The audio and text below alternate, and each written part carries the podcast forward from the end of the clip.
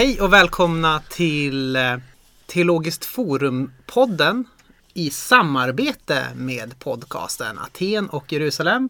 Eh, Vem är du som sitter här bredvid mig? Bredvid Anton sitter Helge Antonsson. Och jag är då Anton Jonsson. Så att det blir som en sorts, det går, flötar ihop på ett bra sätt våra namn. Flötar var ordet som Ja. ull. Japp. Eh, vem, är- vem är du?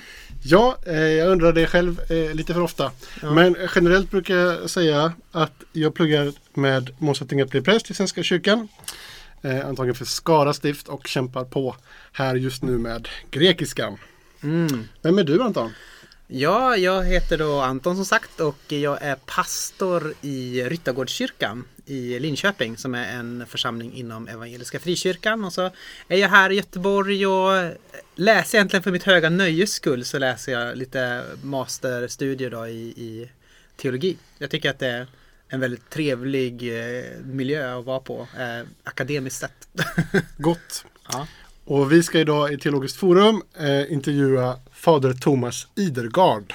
Precis, det ska bli väldigt spännande. Eh, Mycket. Vad är din relation till Thomas? Har du någon? Ja, jag har läst lite om honom, lite om hans livsresa som vi ska prata med honom om, som han också kommer att hålla ett seminarium om. Mm. Eh, Tyvärr kan ni inte gå på det för att det, det här inspelas Ja. samma dag som det här forumet. Så. Ja, förlåt. Ja. Eh, nej, men jag tänker att han, eh, han provocerar många. Han är tydlig i många frågor som eh, är känsliga, Mm. svåra. Mm. Eh, och jag tänker att eh, han är spännande på många sätt. Det ska bli intressant att höra honom sätta ord på det för ibland i media så riktas det väldigt mycket så att man knappt förstår vad han själv har sagt och inte. Precis. Om man skulle sätta en så här 15 sekunders biografi så skulle man kunna säga så här. Mm. Eh, född i Västerbotten. Moderat politiker. Mm. Ganska högt, eh, högt ansedd. Mm. Får en omvändelseupplevelse. Blir eh, katolsk präst inom jesuitorden. Precis. Romersk-katolsk präst till och med. Ja, precis.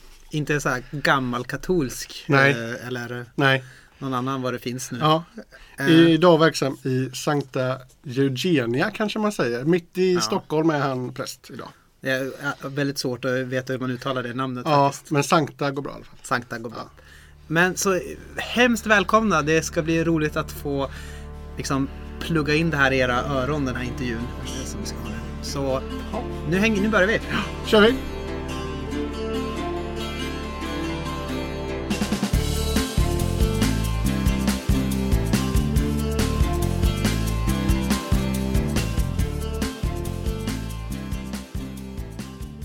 Hej Thomas!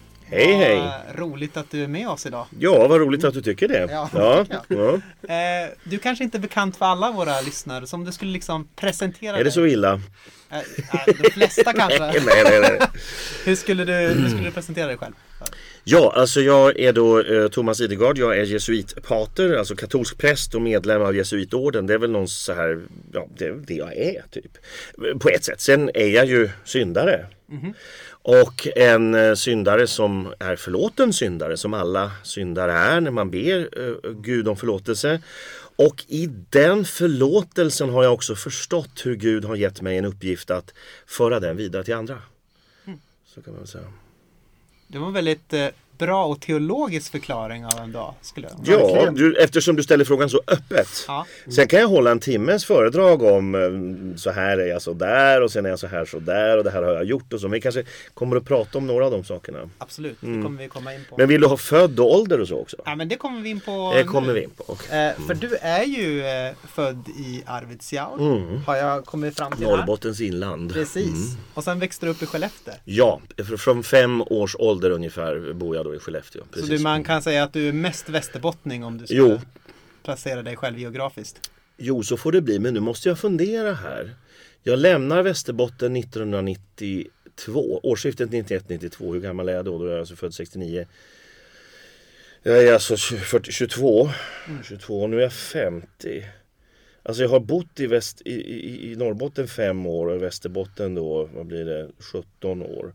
Och sen har jag bott på andra ställen mycket längre. Ja. Så vad är jag egentligen? Jag tänker att du, du, svarade, du svarade jo och inte ja, så det är definitivt. Okej, jag är västerbottning. Jo, jo men det, är så, det, det finns ju någonting när jag kommer till Skellefteå. Det är så att min, min familj, både min förä, mina föräldrar och min syster och hennes familj har sommarställen där uppe fortfarande. Även om de också bor i Stockholmstrakten.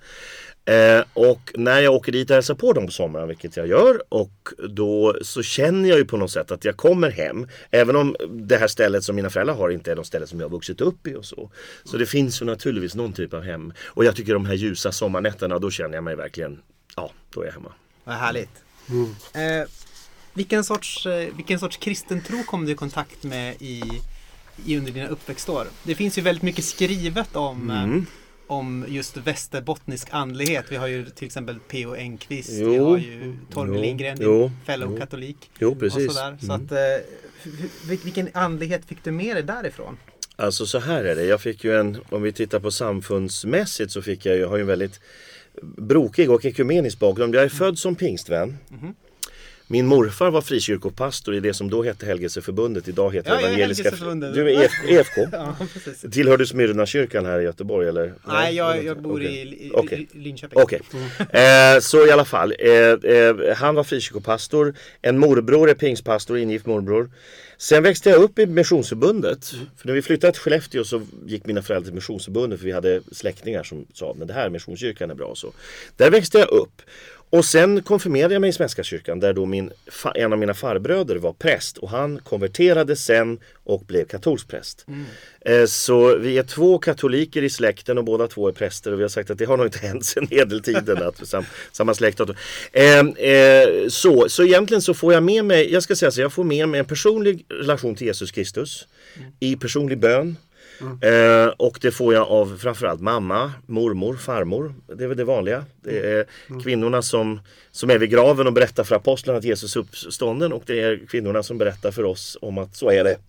Så jag tycker om den här 2000-åriga kedjan från Maria Magdalena vid graven fram till min mamma. Av förtroende och tro.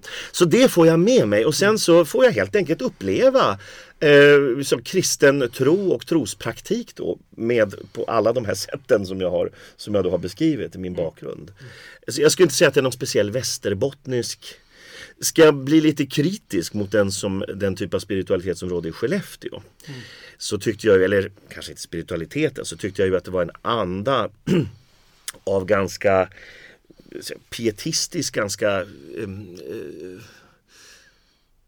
inte så glad tro tycker jag. P.O. Enquist. Ja. Ja, det är P.O. Enquist. Och det här blandas då upp. Och jag, säger, alltså, jag menar, tron har ju naturligtvis också sidor som inte bara är liksom, oh, oh, så. Utan det, det finns också mörkt, det finns kamp, vi ska bära vårt kors, vi kanske kommer tillbaka till det.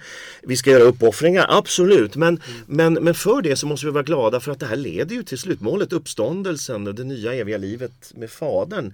Och em, det tyckte jag kanske inte alltid präglade eh, de här EFS-gudstjänsterna som man då kunde vara del av. Så kombinerades det här också då med en mycket speciell Skellefteå-kombination med, med nykterhetsrörelse och med arbetarrörelse och socialdemokrati. Så det blev en ganska järntriangel som höll staden i sitt grepp på något sätt. Man fick inte göra någonting. Nej. finns regler i alla sammanhang.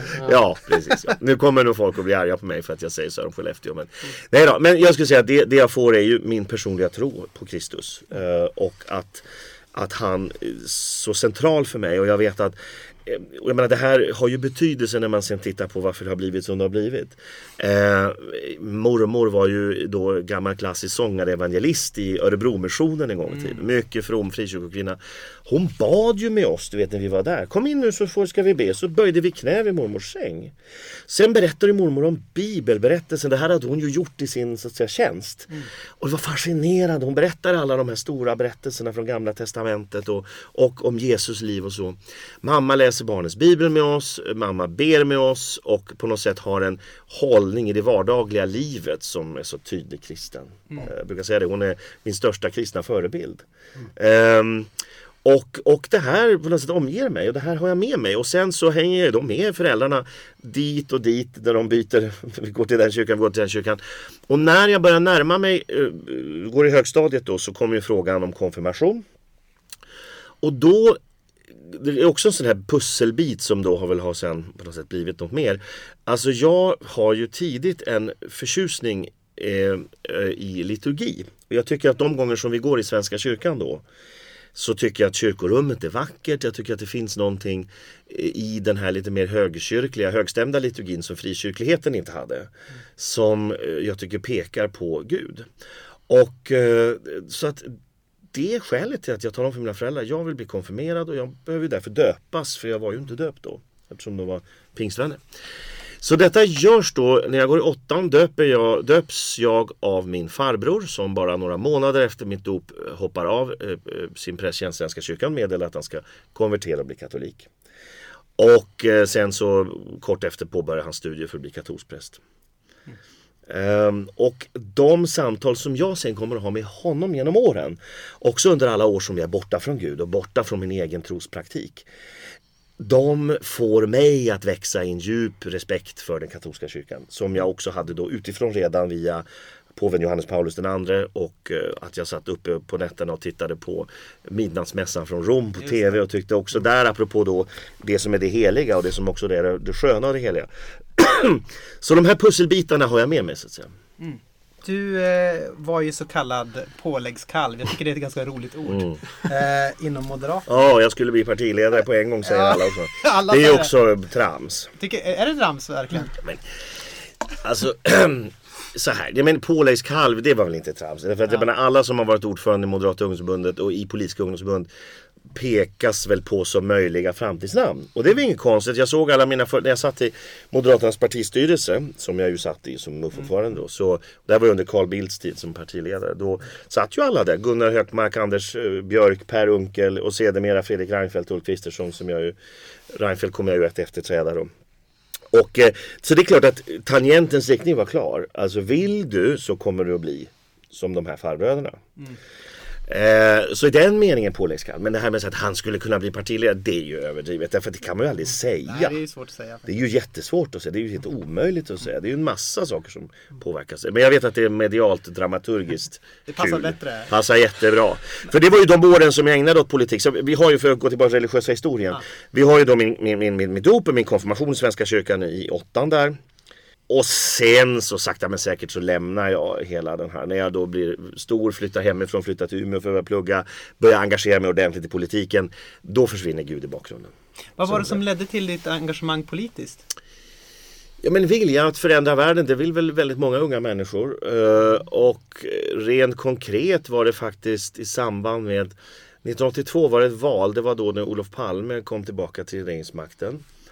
Och då går jag i högstadiet och eh, då eh, efter, efter regeringsskiftet där så börjar eh, den nya regeringen prata om att man ska införa blockbetyg och sådär. Ni vet att alla fyra SO-ämnen skulle bli ett betyg och så. Mm, mm. Och det var ju elever verkligen emot. De flesta elever, det var ju orättvist tyckte de flesta elever. Och de enda politiker som var emot det var Moderaterna. Moderat skolungdom var kampanjer på vår skola. Och då kände jag att det här är så viktigt, så här vill jag gå med. Eh, jag hade väl sen tidigare kanske någon typ av dragning åt det här hållet då. Jag tidigt började se på nyheter med, med mina föräldrar. De förklarar saker. Och de var väl så här allmänborgerliga. Det var ingen som var moderat där. Mm. Men eh, på något sätt så blir det väl det här. Ja. Jag ville förändra och sen hade jag ingen tanke om att vara med och, och jobba aktivt. Men det bara blev så. Jag blev meddragen får man väl säga. Jag gjorde väl det ganska bra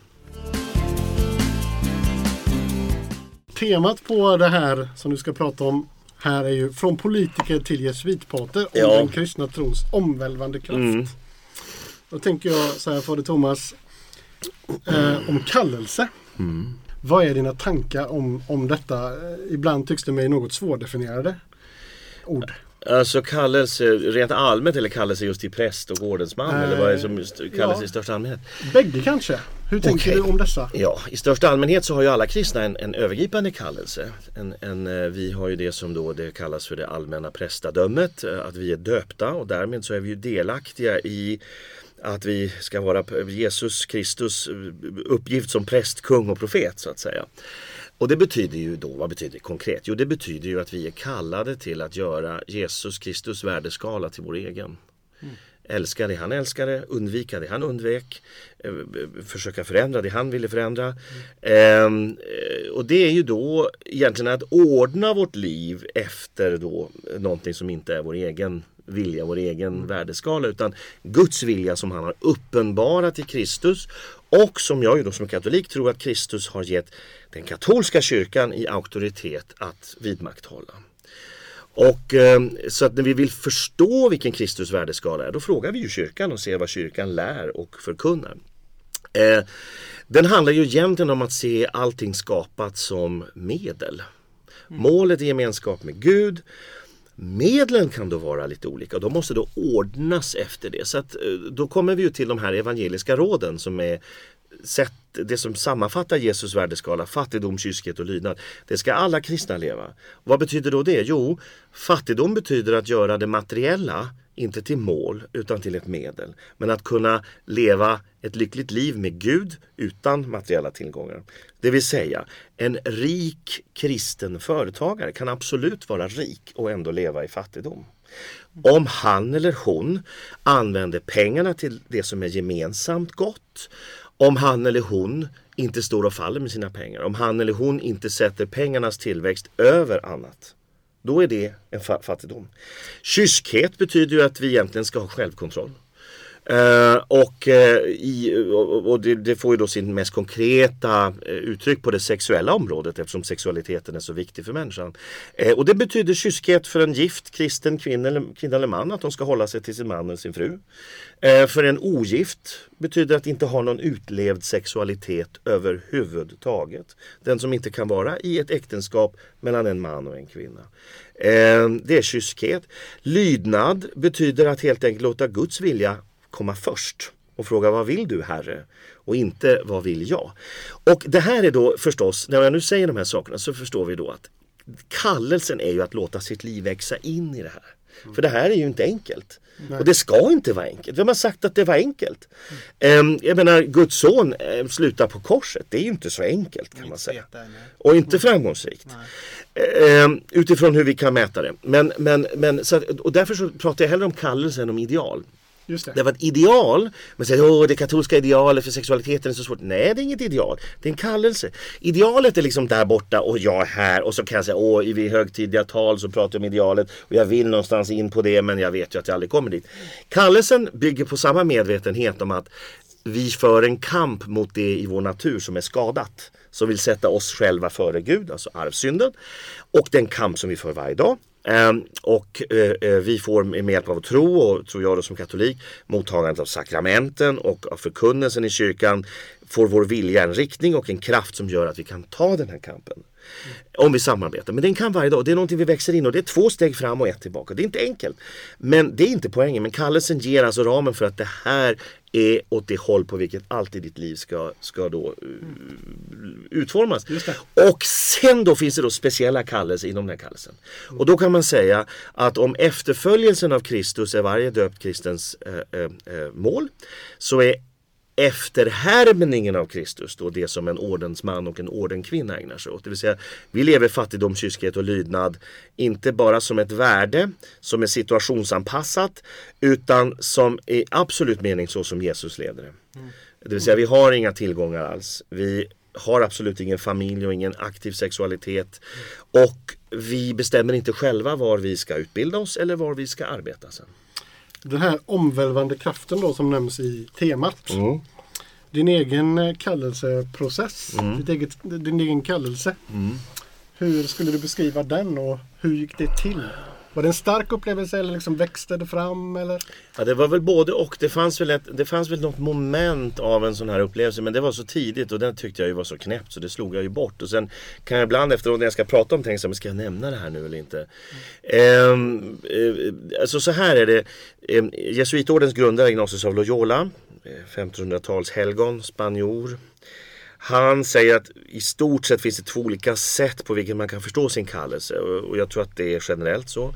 Han, antingen är det så att säga Paulus, den omedelbara Gud vidrör din själ så helt fullt omedelbart och uppenbarar sig egentligen på ett sätt som gör att du bara vet det här är din väg. Släng allt och, och gå på den. Ja. De flesta av oss har inte den kallelsen utan de flesta av oss har då det som är den andra huvudsakliga vägen och det är då att börja förstå det var Sören Kierkegaard som sa så att vi förstår, vi, lev, vi förstår vårt liv bakåt men vi lever det framåt. Och det är också den ignatianska spiritualiteten. Att jag försöker titta på saker. Hur har mitt liv kommit att bli som det Hur har min dag kommit att bli? Så här går att göra i mikroformat. Eller hur har mitt liv de senaste åren varit? Och då förstå att det finns en riktning någonstans, att det finns ett budskap. Ja. Och för mig var det väl då, eh, jag hade en, en upplevelse som var liksom mer upplevelse. Det var inte en röst som talade och så, men det var ändå en stark medvetenhet då i mig. Eh, som egentligen startade allt, det var när jag hade när jag hade bestämt mig för att jag skulle konvertera. Jag hade ju varit i katolska mässor förr men jag skulle gå till Sankta Eugenia då, den kyrka som jag, som jag idag verkar i, mitt mm. i centrala Stockholm och där jag blev med, medlem. Eh, därför att den låg då nära där jag bodde. Jag hade tidigare varit i domkyrkan, jag hade varit där min farbror har varit präst. Eh, och så går jag in där och så sätter jag mig där en söndag förmiddag och eh, 10 i 11, jag kommer förmodligen lite seg från festligheterna kvällen innan för det var så jag levde då. Och eh, sätter mig längs en av de bakre bänkarna. Jag vet precis vad den bänken är. Och jag, när jag går in i kyrkan idag, eh, när det är högmässa, man går in i det stora intåget så att säga, så ser jag den där bänken jämt. Mm. Precis där satt jag. Mm. och eh, där sätter jag mig ner och då slås jag av två saker. Jag slås av kyrkan är full. Det hände ju aldrig. Jag gick ju Svenska kyrkan. Det var ju tyvärr inte så. Eh, och att det var alldeles tyst. Trots att det var 400 pers där inne. Ljusen tända och det var liksom en stark förberedelse på att här kommer någonting heligt att ske. Det är inte bara att vi är lite mm. högtidliga som mm. att vi lyssnar på rektorns avskedstal på sommaren. Utan här ska något heligt, här ska Kristus själv bli närvarande. Mm. Och eh, det slår mig och jag sitter där och slås av denna tystnad i helighet, väntan på helighet. Och då är det någonting som säger till mig, en slags medvetande, det är inte en röst men säger mig så här, titta dig omkring för här ska du verka ändå. Mm. Och så, Hallå vad sa du nu, vad var det? Nej, här ska jag bli medlem, just det. Och så sitter jag och tittar, just det. Nej, du ska verka här, är det något så starkt som säger i mig. Mm. Och det gör jag nu. så det är liksom därifrån till hit är det då en väg och då det där skjuts i bakgrunden och sen så konverterar jag och under den processen kommer det här tillbaka och det kommer tillbaka så starkt när jag uppfattar att det finns en skillnad mellan mig och de andra. De andra i konvertit, vi gick en grupp då, de andra i konvertitgruppen de eh, de beskrev hur den här, att de nu ska bli katoliker och för många var det också på samma sätt för mig ett sätt att också återknyta till den kristna tron igen när man har varit borta från den. Då blir det. Och hur det här nu skulle göra att allt det som de gör i sitt liv skulle bli bättre och få en riktning och sådär och få en ny färg. Medan jag känner att allt det jag höll på med, det var ju PR och lite annat sånt då, det var helt ointressant mm. i förhållande till det här. Mm. Och när jag hade förstått hur Gud ser på mig som en förlåten syndare med en kallelse att sprida hans försoning i världen. Och det gäller ju återigen för alla kristna. Då börjar jag känna, men det är ju det här jag vill hålla på med hela tiden. Och då till slut tar jag upp då det här med det som han som blev min biktfader och som, eh, som, eh, som då ja, sa att han lyssnade noga. Jag tror han blev lite förvånad. Och sen sa han, nu i sommar det har hänt så mycket i ditt liv. De senaste två åren har du kommit tillbaka till din kristna tro. Du ska nu konvertera katolska kyrkan vi gör så här, låt det här ligga, lägg bak det och sen så ska du åka på reträtt i sommar. Så att eh, jag, jag, hade några månader då jag inte tänkte på det. Och när jag då åkte till den här reträtten på berget i Rättvik mm. så tänkte jag ju så här och då skulle jag ledas av en jesuitpater som heter Ulf Jonsson som jag då hade träffat och ätit lunch med. Det var en trevlig prick. Och eh, då tänkte jag så här, nu ska jag ju få bort alla de här idiotiska idéerna om att jag skulle ha någon särskild kallelse och så ska jag snarare försöka hitta mitt sätt att vara. Ja, då min särskilda kallelse att vara katolik som ett vanligt sätt, på vanligt sätt. Men det blev ju tvärtom för där mötte jag ju Där blev jag så varse att jag har ett val och mitt val är egentligen att säga nej till det Gud lägger fram. Det är mitt val. Mm. Och det vill jag inte göra. Och Gud visade mig att väldigt mycket i mitt liv, jag hade lämnat politiken utan att veta riktigt varför men aldrig haft någon dragning tillbaka dit. Jag hade i flera tillfällen under mitt liv då i näringslivet, mitt yrkesliv där sagt nej till att binda mig på så avgörande saker som skulle ha kunnat ge mig oerhört mycket pengar men binda mig. Eh, jag hade efter en tioårig relation med en kvinna inte, var, inte hamnat i att jag hade gift mig och vi hade inga, hade inga barn. Det fanns liksom ingenting som var något speciellt i mitt liv. Mm. Och det betyder inte att jag inte längtade efter att det skulle bli speciellt. Men det betyder att Gud visar mig att titta här. Det finns, sak, du, du, det finns en väg som jag har tänkt för dig och det kanske du förstår nu. Ungefär så var det. Mm. Eh, om man då funderar på kallet. Eh, kanske det prästerliga. Eh, framförallt då. Hur skulle du säga att man kan veta om man har ett sådant eller ej? Ja, alltså man... Det finns ju flera saker som man pratar om att man ska bruka, tit bruka titta på. Men, men eh, en sån sak är ju naturligtvis eh, viljan att gå mycket i kyrkan hos, hos oss då, att gå i den heliga mässan, att ta emot den heliga eukaristin, att bruka sakramenten, bikta sig mycket, att ha ett aktivt böneliv eh, och att på något sätt se kyrkan som ett hem. Eh, så, där, man verkligen, där det verkligen gör ont i en när man inte, när man inte kan vara det. Det brukar vara en sån sak. Eh, att vilja en, det är ju så att jesuitordens devis var väl då, eller grunden för att jesuitorden bildades var ju till själarnas frälsning och Guds större ära. Att på något sätt vilja hjälpa andra själar till frälsning eh, och att vilja ge av sig själv för det och låta andra saker stå tillbaka. Att inte rygga tillbaka till på tanken att ja men just det, det här betyder att jag aldrig kommer att kunna ha familj eller det här betyder att jag aldrig kommer att kunna ha egna pengar som då man är ordenspräst. Eh, katolska stiftspräster har ju trots allt en egen liten lön som de förfogar över. Men, men, och det här betyder att jag inte själv kan välja vad jag ska studera och så vidare. Att inte rygga tillbaks för det utan att säga att okej, okay, det är också kors som jag bär för att göra den här stora uppgiften. Och att tycka att det finns nästan någonting som är lite utmanande i det. Då ska jag säga att det är också bra exempel på att man har den kallelsen. Mm. En kallelse att, att, att göra just det här då. Men jag tror att man, man måste verkligen, och jag har under min korta tid som ordensman och präst haft möjlighet att möta människor som då tror sig ha en kallelse. Och det är ju otroligt stort och man förstår att Gud lägger någonting verkligen i mina händer här. Och eh, eh Man måste verkligen be mycket, man måste lyssna inåt. Och en sak man också kan ta till sig om det är så att man har folk i ens närhet som man kan prata med och höra vad de tror, om de tycker. För att i mitt fall blev det också så att innan jag hade berättat för folk att jag skulle följa den här vägen jag hade varit katolik i tre år. Men jag hade ju stegvis börjat förändra mitt liv. Ja, det hade jag gjort innan jag blev katolik. Men sen att jag började läsa filosofi för att jag var så pass gammal då. Jag skulle träda in när jag var 40 plus, vilket ju är gam gammalt. Um, då var jag rekommenderad att försöka göra de här tre årens filosofistudier klara innan mitt ordensinträde. När jag hade den här väntetiden som man har i katolska kyrkan. Det är tre år från att man konverterar tills att man kan gå in i prästseminarium eller orden. Och, och, och, och då, det, folk som var nära mig såg att det var saker som hände med mig. Att jag sa nej, jag har börjat läsa filosofi. Ja, varför då? Ja, men jag tycker det är spännande. Så, så ser de att jag läser filosofi väldigt mycket. Jag går ner i arbetstid och så. Och det är klart, under den här processen då är det några som säger Men du Thomas, har du tänkt bli präst?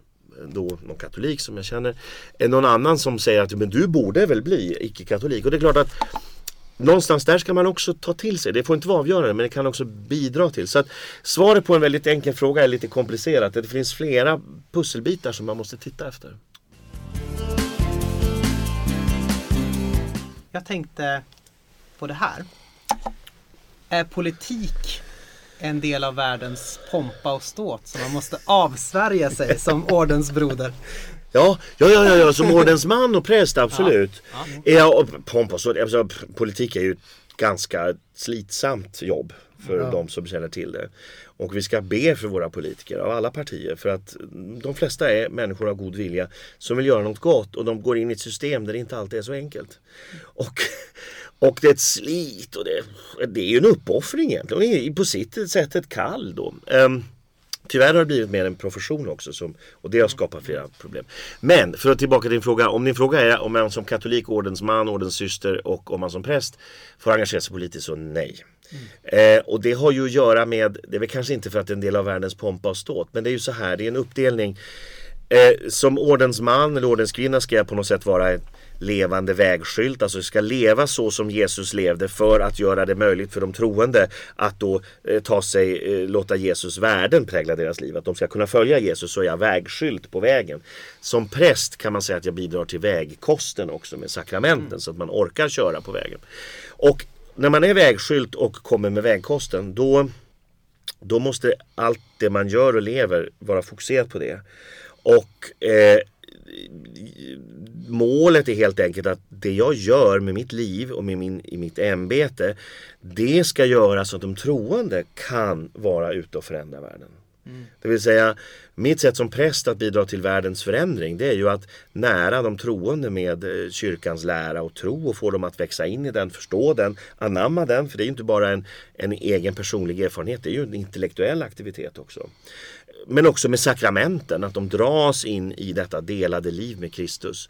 Och sen är det, vi säger i slutet på katolska mässan på latin sägs det ita, ite missa est, alltså gå, mässan är slut. Egentligen gå, det är sändning. Gå, ni är utsända. Det vill säga det är det som händer.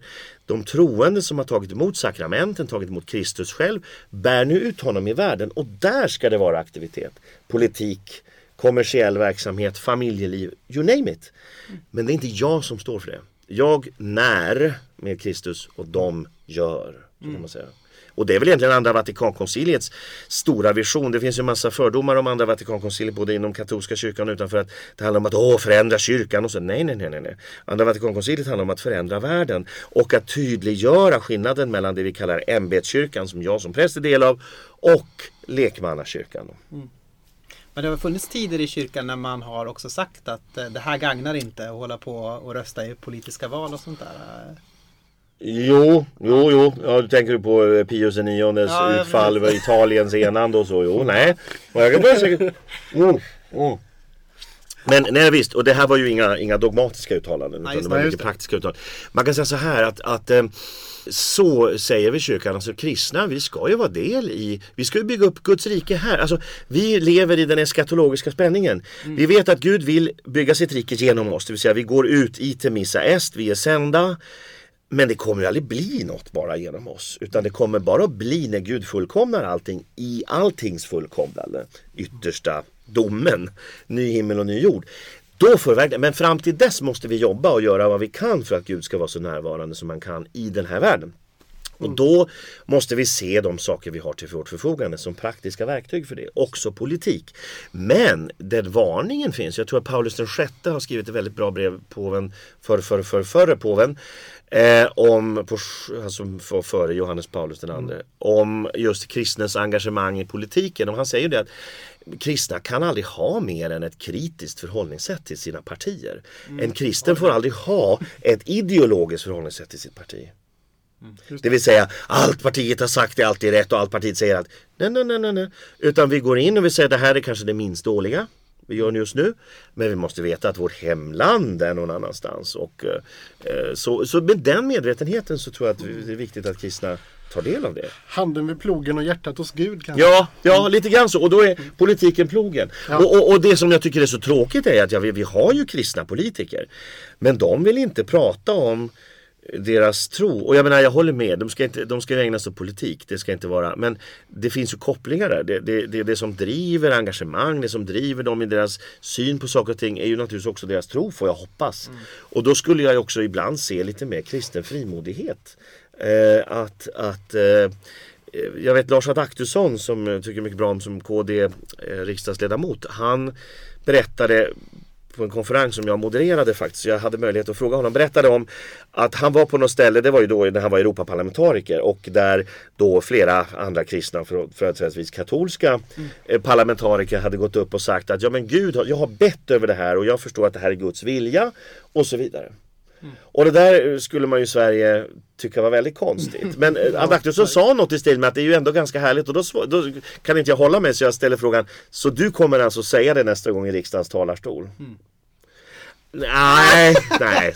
Och nu vill jag inte hänga ut honom här därför att det här finns, det här var en öppen konferens så att det är öppet. Men, men, men, men det är intressant att, att reaktionen blir Ja. ja. men vänta nu, det är ett ganska stort steg. Och jag säger återigen inte, vi ska inte blanda in så att vi gör Gud till att han tycker om jobbskatteavdraget eller vill ha den där typen av eh, eh, politik på familjeområdet på det sättet. Men eh, jag tycker nog att vi kanske kunde vara, de kristna politikerna kunde vara lite tydliga med sin tro. Mm.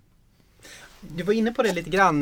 Det var intressant där den eskatologiska spänningen som mm. var inne på. Mm. Och, och det funderar på, eh, kan man verkligen bygga en stabil civilisation på Jesus? Jag menar så här, det- som sagt Jesus, när, när han, när han eh, vandrar omkring på jorden så är det ju väldigt mycket så här, lämna din far och mor och följ mig. Mm. Det, är väldigt, det, är, det är väldigt mycket en känsla av att det här är bråttom, det, det händer nu liksom. Mm, mm, Guds rike kommer nu. Du Ja, det gjorde det. Du måste, ja det gjorde det. Det Du var ju Guds rike. Ja, du måste liksom ändra allting i ljuset av det här. Ja. Och kan man bygga liksom ett stabilt samhälle på det eller är det riskerar det antingen att korrumpera Jesus eller att bli ett instabilt eh, samhälle? Oj, det är ju en jättestor fråga. Ja, det hoppas jag. Ja, Det var meningen det. ja jo, jag förstår ju det. Ja, men alltså, när Jesus säger så här, lämna, alltså, då går vi tillbaka, måste vi tillbaka till kristologin. Och det här är också en sån här sak som är en sån käpphäst. Om vi inte får kristologin rätt så blir ju ingenting annat rätt heller. Eh, Det vill säga, vem är Jesus? Vem är denna Jesus för något sätt? Han är inte en fredsprofet.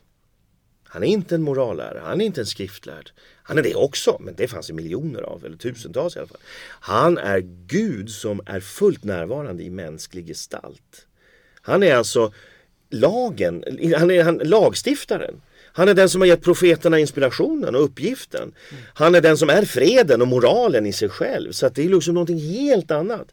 Och därför har han då denna urgency som man säger på engelska i sitt budskap. Det vill säga, här är nu Gud, här är universums grund, orsaken till alla orsaker. Inte den högsta varelsen, utan varat. Som Just det. har blivit en del av skapelsen och som nu säger Jag tänkte att ni skulle, jag skulle berätta lite hur jag egentligen hade tänkt.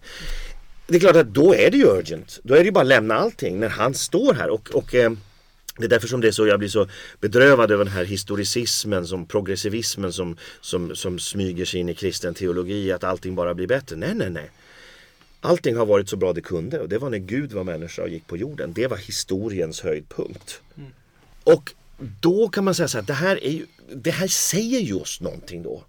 Och att följa honom betyder att vi Hela våra liv tillhör honom och det går absolut att bygga ett samhälle som i väntan på det nya Jerusalem och Guds fullkomnande är präglat av att det bara finns en enda viktig sak och det är Gud. Det vill säga våra liv handlar inte om oss, det handlar om Gud. Och hur vi ska kunna leva i gemenskap med Gud. Därför att om vi förstår det, då kommer vi att förstå att vi inte behöver vara rädda för döden. Mm. Och det är ju det Jesus ytterst gör. Och när vi inte behöver vara rädda för döden och vi verkligen tror det på allvar, det skulle jag vilja hävda att de flesta ändå inte riktigt kan tro fullt ut. Så behöver vi inte heller krampaktigt mata egot. Jag behöver inte uppleva så mycket jag kan innan jag dör. Jag behöver inte få vara med så mycket jag kan. Jag behöver inte ha så mycket ära jag kan innan jag dör. Utan vi kan det lugnt. För livet ska ju fortsätta. Och då kan vi också få saker och ting att hamna rätt i hur vi bemöter varandra, hur vi prioriterar våra egna val. Och helt plötsligt så får du ett helt annat typ av mänskligt liv. Och det går absolut, det är det mest stabila skulle jag säga. Därför att det instabila, det som är krig och stridigheter och fred, det är ju att vi säger nej, nej, nej, jag vill inte följa den där. Ah, han kan inte ha varit Gud. Nej, men en fredsprofet sa fina saker men sen är det upp till mig och hur jag känner och vad kun- kyrkan kan väl inte veta hur jag känner och vad jag vill. Och, mm, jag lyssnar på det lite fint och feel good och sen går jag hem och gör som jag vill. Det är ju det samhället som krackelerar ständigt. Men samhället som bygger på att vi ger allt till honom, det är ju himmelriket. Och dit är vi på väg. Men, men om, du tänk, om man tänker sig en kristen värdegrund då, på något sätt. Ja. På vilket sätt skiljer den sig från det vi har nu, liksom ett liberal demokratiskt samhälle? Är det här det som Jesus har menat? nej, nej, nej, nej, nej. Så här, alltså eh, den katolska kyrkans sociallära den säger mycket tydligt att det som är det vi ska sträva efter när det gäller hur vi bygger våra samhällen det är ju så att säga eh, det gemensamma goda och varje, väx, varje människas växt och garanten och skyddet för varje människas värdighet. Och då kan man väl säga så här att då säger katolska kyrkan så här att den demok- de västerländska demokratiska rättsstaterna är väl de samhällsmodeller vi idag ser eh, tickar högst på de här boxarna. Värna värdighet och så. Det betyder inte, att de, att de, inte på något sätt att de är perfekta. Eh, vi har i vårt samhälle, bara i Sverige, 40 000 nästan ofödda barn som inte får födas varje år. Eh, som dödas. Och det vill säga, de har inte rätten till liv som är den mest grundläggande mänskliga rättigheten. Och vi står och säger att Sverige är en moralisk stormakt som värnar mänskliga rättigheter. Ah, finns en del kvar att göra där. där vi, inte, vi förnekar det mest svaga, oskyddade vi har. Den mest grundläggande rättigheten. För det inte passar. Och vi tycker att det är okej att det inte passar. Så att, så att nej, nej, nej, nej, det här finns mycket kvar att göra. Men man kan säga så här att det som har grundlagt de liberala demokratiska samhällena det är ju en kristen människosyn. Och vad är den då? Jo, att det finns rättigheter som vi har bara för att vi är mänskliga personer. Vi är skapade till Guds avbild. Mm. Gud har lagt ner i sin skapelse en naturlig ordning och struktur som vi kan förstå med våra förnuft och som talar om vad som är målet med våra liv och hur vi, eller så att säga, hur vi ska leva våra liv för att vi ska vara lyckliga. Det finns alltså det som kallas naturrätten, den naturliga lagen, moraliska lagen. Och de här, de här sakerna gör ju då att vi kan föra rationella samtal om hur vi ska göra saker och ting för att de ska bli bra. Eh, eh, och det är ju så att säga väldigt viktiga grundstenar i, det är ju inget, ingen tillfällighet att de liberala demokratierna med alla deras brister har uppstått i den kultursfär som präglas av kristendomen. Därför att den här grundläggande människosynen och hållningen, vetenskapen för den delen också, om inte tillvaron var rationellt ordnad skulle vi inte kunna undersöka den. Nu kan vi det. Så att den kristna tron eller judisk-kristna, eh, både skapelsetron och antropologin, den möjliggör våra demokratier. Men problemet idag, det som man spårar ur, liberalismen spårar ur fullkomligt, det är ju att man, man förväxlar några saker. Man förväxlar det faktum att vi har en frihet att säga Egentligen skulle jag säga att vi har en frihet att säga nej till sanningen, för det är det vi har. Vi är skapade, Gud har visat oss sanningen, den finns nedlagd i oss i vår natur också till viss del och vi kan förstå den. Eh, och vi inbjuds att samverka med den här och vi kan egentligen säga nej till den. Och om vi säger nej till den så, så är vi fortfarande skapta till Guds avbild med en mänsklig värdighet som vi inte får kränkas. Mm. Men det betyder inte att vårt nej och de handlingar som följer vårt nej måste älskas. Mm. Och liberalismen eh, har ju en förfärlig moral för den säger ju att allt är okej okay, så länge du inte stör någon annans möjlighet att göra vad han eller hon tycker är okej. Man upphöjer på ett valet till... Valet blir det väsentliga och inte vad valet eh, står för. Precis. Och det är ju då dikekörning nummer ett. Dikekörning nummer två eh, står islam för. Den säger ju att eh, du inte har någon frihet alls. Eller rättare sagt, du måste ständigt ändra dig med Guds ändrade uppfattningar. För eh, Islam erkänner heller ingen naturlig ordning. Heller inga, som det heter på filosofispråk, sekundära orsaker. För Gud är ständigt en primär orsak, och, både en primär och en sekundär orsak i världen. Mm. Och det här har ju att göra med Islams problematik att hantera motsägelserna i Koranen. Då måste Gud ändra sig. För Gud, i början på Koranen är alkohol okej okay, och i slutet är det farligt och förbjudet. Och mm, om Koranen är dikterad från Gud så har ju Gud ändrat sig om alkohol. Eh, och det betyder att Gud ändrar sig hela tiden och det finns ingen möjlighet att lära känna Gud genom ordningen i skapelsen. Det finns ingen naturlig naturrätt heller. Och du är antingen med svängen där du ständigt underkastar dig en, ändrad, en Gud som ändrar sig efter humör eller du är utanför och då har du inga rättigheter alls. Det är den andra dikeskörningen. Men liberalismen och den här voluntaristiska islamiska filosofin har ju det gemensamt att det är just viljan som sätts i centrum. Och också då kanske en katolik skulle säga viss protestantism också. Eh, har en viss voluntaristisk... Ja naturligtvis, men det hänger, det, det, den har ju, det har ju tyvärr, det, det, har ju varit så att tyvärr, nu, nu finns det mycket, mycket saker som den katolska teologin har bidragit till som inte alltid är jättebra heller. Men tyvärr kan man väl möjligen säga att om du tar hela den liberala bibeltolkningen, modernist, det vi kallar modernism, det ni kallar för liberal teologi. Den kommer ju tyvärr med, med först med, med, med, med protestantismen, så är det ju. Vissa skulle säga duns, vad heter han, danskoros? Scotus har ju naturligtvis, finns där i bakgrunden. Men du har ju framförallt Immanuel Kant är en stor ja. bov på det här området och, och han gör ju Gud enbart till så att säga, en, flyttar ju bort Gud från kunskapens område egentligen. Och den klassiska kristna hållningen är ju precis den jag försökt beskriva. Vi kan få kunskap om Gud. Mm. Inte, eh, vi kan få kunskap om Gud genom hans skapelse och sen genom hans uppenbarelse. Men de här hänger ju ihop. Mm. Och det ena kunskapen om Gud i sin skapelse, om hans konsekvens, om den struktur han har lagt ner, om etiken, moralen. Den leder oss till att öppna oss för uppenbarad kunskap. Och det avfärdar ju Kant. Mm. Eh, vi kan inte veta någonting om Gud. Tinget i sig kan vi aldrig veta någonting om. Och därför får vi bara anta att Gud finns där som en garant för att vi är snälla. Och då får du helt snällhetskristendomen. Att allt handlar om att vara snäll. Och det gör det inte alls. Det gör det så här, en människa ska vara snäll men det kan hon vara utan att vara kristen. Mm. Evangeliet är inte att vara snäll. Evangeliet är att Jesus Kristus är Guds son som har levt, dött och uppstått för att vi ska kunna förlåtas i våra synder och ha evigt liv med honom. Det är evangeliet. Och hör du någonting annat som förkläs till kristen förkunnelse, det vill säga som liknar något du kan höra på ett politiskt möte till höger och vänster eller i en vanlig talkshow på TV, då kan du vara en säker på en sak, du har i alla fall inte hört evangeliet. Ord och inga visor. Ja, är det. Eh, På vilket sätt tänker du, eh, Pater Thomas, att kyrkan är politisk? Denna stora eviga fråga. Ja, precis. Är den politisk, kyrkan? Ja, alltså den kristna tron har politiska konsekvenser. Det är klart att eftersom kyrkan är eh, helighetens inbrott i i världen, alltså evighetens ambassad i världen kan man säga så betyder ju det att i, i, mötet mellan denna heliga evighet och kyrkan är ju då helig inte på grund av att vi som är där är heliga, för vi är syndare. Kyrkan är helig för att den helige ande finns i henne, Jesus har lovat det och gör därför Jesus närvarande i sakrament och förkunnelse överallt alltid. Så är kyrkan helig. Vi andra är jättesyndare. Tyvärr finns det väldigt många och förfärliga syndare i kyrkan. Men denna helighet möter då en bristfällig värld. Och det är klart att då skaver det och då kommer då vi vara så här, interface om man får säga så, där, där det också uppfattas som att det kyrkan står för också får politiska konsekvenser. Ta frågan om livets början och slut som jag var inne på. Det är ju en sån absolut människovärdets helt enkelt. Ehm, och sen, men sen i det vardagliga kristna livet så är det ju så att om mitt möte med Kristus förändrar mig, för det är det det handlar om Eh, Gud älskar oss precis som de vi är. Det är alldeles riktigt. Men han älskar oss för mycket för att han vill att vi förblir precis de och där vi är. Han vill ju förändra oss. Han vill ju göra oss heliga. Det är ju hela poängen med projektet.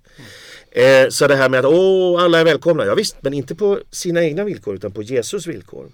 Vill jag genomgå förändringen i Kristus, då är jag välkommen. Och när jag förändras, då förändras ju mina relationer. För det är ju som sättet på vilket jag lever mig själv. Och när mina relationer förändras förändras de relationer som de människorna och helt plötsligt så har du naturligtvis en samhällelig förändring som kommer av en enskild persons möte med Kristus. Så i den meningen är kristendomen naturligtvis politisk. Den får konsekvenser för eh, säga, sociala relationer. Det betyder dock inte att kyrkan måste ha en uppfattning om jobb, jobbskatteavdrag och näringspolitik. Skönt. Eh, till exempel. Eller, eller så. Eller vilken lagstiftning ska på ditt och datt. Utan, utan eh, eh, där, där är ju återigen då de troendes samvete ska formeras av kyrkan och sen måste det appliceras där de troende finns. Jag brukar, brukar säga så här att jag har vänner som då tidigare vänner som är aktiva moderatpolitiker som då kan skriva på Facebook så Nu har jag lämnat Svenska kyrkan för jag var med om en predikan som då förkastade jobbskatteavdraget eller pratade om eh, Vänsterpartiets fördelningspolitik som något fint. Va? Och då brukar jag säga jaha vad intressant att du är intresserad av teologi. Att du vill lämna Svenska kyrkan för det här. Få se, ja den vänstervridningen har gått för långt och så. Ja men få se om prästen hade predikat för jobbskatteavdraget. Hade du lämnat då? Nej absolut inte. Just det. Ah, det vill säga. Just det. Kyrkan får, Jesus får aldrig bli projektionen av vår egen vilja. Och det är därför vi har kyrkan som heller inte är projektionen av vår egen vilja. Och det är därför den katolska kyrkan har ju kyrkan så att säga tre nivåer. Den kämpande kyrkan i tiden, den lidande kyrkan i skärselden och den segrande kyrkan i himlen. Och när vi pratar om så här tror kyrkan så menar vi ju kyrkan i alla tider. Mm. Och eh, inte någonting som blir föremål för vår instrumentalisering. Mm. Ja, det var en lång utläggning på din fråga. vi komma in på, jag funderar på om jag ska slänga in en, en snabb brasklapp då. Om vi ska ta en, eh, om jag ska få ta en abortfråga. Mm -hmm. då får, du, eh, får vi testa om det funkar då. Mm. Jag är ju personligen pacifist så jag är ganska kritisk mot alla former av våld. Så Men det finns ju en lära om det rättfärdiga kriget.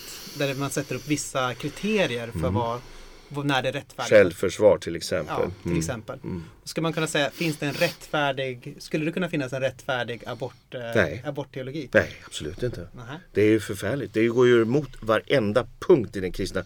Då kan du börja med den bibliska traditionen om du, om du vill lyfta bort katolska kyrkan. Mm. Då, ser du ju, då ser du ju detta, Bibeln är ju full av referenser till att personen blir till vid befruktningsögonblicket. Du har psalm 139, du vävde mig, du kände mig redan innan jag var till. Va? Du har ängeln Gabriels uh, budskap till jungfru Maria. Mm. Att barnet har ett namn och ett uppdrag redan innan det är till, så att säga, innan vi ens kan veta att det är till. Med andra ord, den bibliska traditionen är otvetydig på att personen uppstår vid konceptionen. Det är våra ord som vi lägger på senare, men det är som glasklart. Sen kan du lägga på kyrkans lära på det. Du kan också ta bort kyrkan och Gud överhuvudtaget och bara resonera förnuftigt. Biologin visar tydligt när är personens alla potentialiteter på plats? Ja, när DNA-molekylen är bildad. Och hur många timmar dröjer det? Inte så länge. Nej. Eh, så där har du alltså allt det som, som, och blir du riktigt scientistisk som vi ju är i vår tid, då ska vi ju bara lita på biologi och fysik och då måste det ju vara när DNA-molekylen är där så är personen där. Sen är inte alla potentialiteter förverkligade.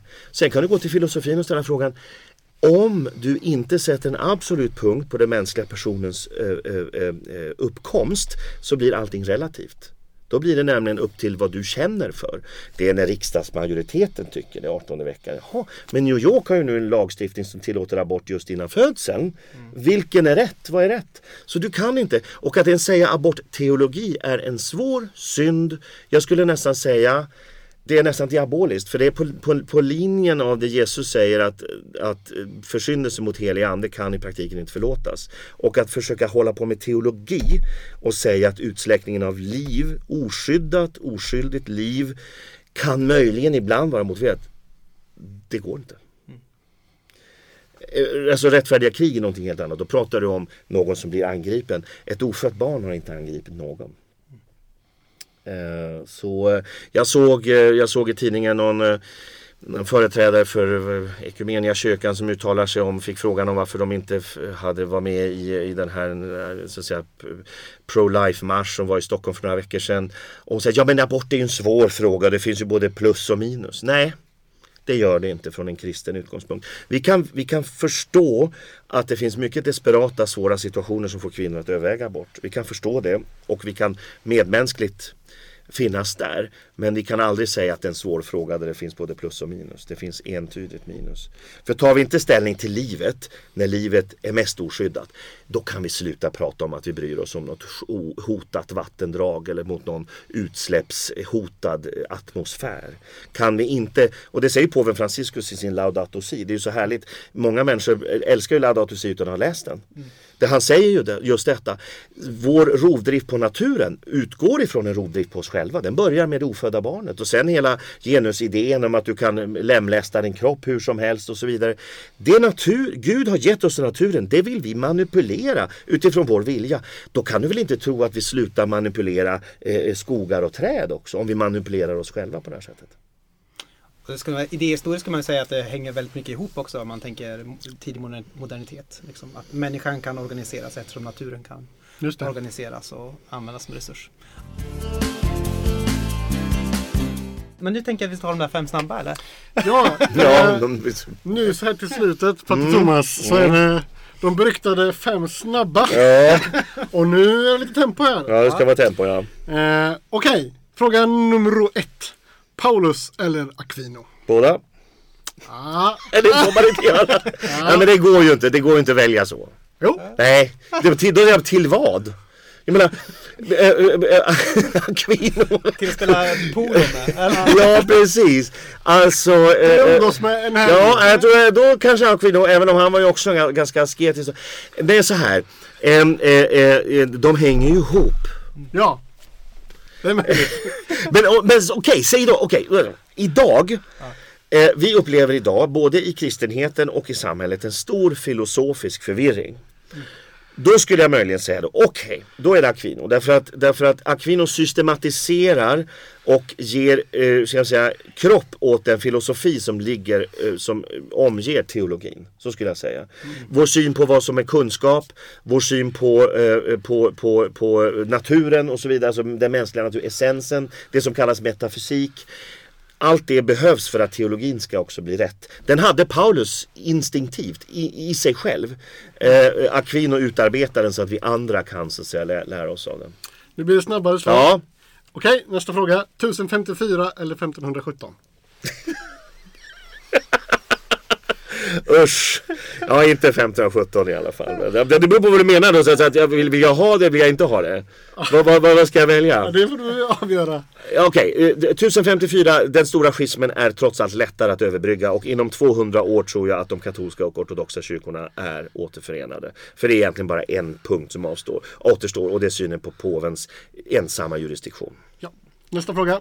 Immanens eller transcendens? ja men det är ju både och. Det går ju inte. Men okej då, som det är idag så lever vi i en tid i förvirring där kristenhetens teologi tyvärr i stor utsträckning har lämnat transcendensen och allt för mycket betonar immanensen, det vill säga Jesus mänsklighet. Och då blir det till slut så pass betonat att allting blir en fråga om vad jag kan disponera över. Jesus historiska Jesus, allt det här som ni vet det pratas om, som alltså en Jesus som inte har något med evangelien att göra. Eller den verkliga Jesus. Och det är klart, då har emanensen gått eh, överstyr och då skulle jag möjligen utifrån det perspektivet säga att transcendens behöver vi lite mer av idag. Fråga nummer fyra. Svenska kyrkan eller Pingstkyrkan? Ja, varför tvingar du mig att göra sådana val? Det är så här alla grillas. Ja, alla grillar så här ja. Ja. Okej, okay. Pingstkyrkan. Ehm, ska jag motivera? Ja, om du vill. Kör! Ja, så här. Det finns trots allt en likhet mellan, eh, det finns stora skillnader, men det finns en likhet mellan, eh, fortfarande tror jag bland de flesta i Pingstkyrkan, även om det börjar luckras upp där nu med jag har förstått att det kommer in skilsmässor och annat. Pastorer kan vara skilda och sådär. Eh, så att man har inte längre en klassisk syn rakt igenom på det kristna livet. Men jag tror ändå fortfarande så i, i, i den officiella tron, eh, pingsttron, så finns det väldigt mycket i synen just på den kristna etiken, det kristna livet, familjen, relationerna, sexualiteten, identiteten som är gemensam med oss. Och det är väldigt viktiga frågor därför att om människan tror att hon själv skapar sig själv, då behöver hon inte längre Gud. Då tror hon också att hon själv är Gud. Och där skulle jag säga, där har Svenska kyrkan glidit iväg så fullkomligt i en eh, riktning som är världens eh, första så att säga. Att, eh, att där håller ändå pingst i stor del tillbaka. Fråga nummer fem. Johannes Paulus den andra eller påve Franciscus? Ja men Bob Francisco är ju jesuit så jag måste ju Nej båda, alltså jag kan inte välja därför att de, de är på olika, olika tider och har gjort jag jag skulle säga att jag ser dem snarare som att den ena förutsätter den andra på något sätt. Visst har det varit lite blåsväder kring Franciscus i katolska kyrkan, romersk-katolska kyrkan? Ja, fast det har det väl också varit kring alla moderna påvar. Det är kanske är så. Ja. Har du sett tv-serien The Young Pope undrar jag? Nej, jag har inte gjort det. Jag vet att folk har sagt att man borde se den. Jag, jag tycker att den är ganska Jag tycker att den kan vara värd att titta på. Den är ganska kul. Eh, och sådär. Sen Ja. är det inte särskilt eh, Mm, eh, Sannolikt. Vad ska man säga? Nej inte särskilt sannolik och inte särskilt kanske eh, värdig alltid. Kanske nej. man kan säga. Nej. Nej, just det. Men det är också en kontroversiell modern påve. Tyvärr kanske det har varit förekommit saker historiskt i, i de påvliga kvarteren som inte alltid har varit så värdiga. Men detta är också ett argument för kyrkans gudomliga ursprung. Alltså det har varit rena assholes om jag får säga så, som har varit påvar genom tiderna. Eh, idag, de moderna påvarna har alla varit tror jag oerhört både, både mycket troende och, och, och äkta människor. Men om du går tillbaka till renässanstiden och så. Men ändå så har kyrkan bestått och de har aldrig lyckats ändra på kyrkans tro och lära för det har de inte kunnat. Det, det kan inte påven. Eh, Så på så sätt så, så är det ju bevis för faktiskt det Jesus säger till Petrus att dödsrikets portar ska aldrig få makt över kyrkan. Pater Thomas, vi tackar dig för att du kom hit och deltog i det här podden för Teologiskt Forum och för Aten och Jerusalem. Jättekul att du kunde komma. Tack så mycket för att jag fick komma, verkligen. Tack ska ni ha.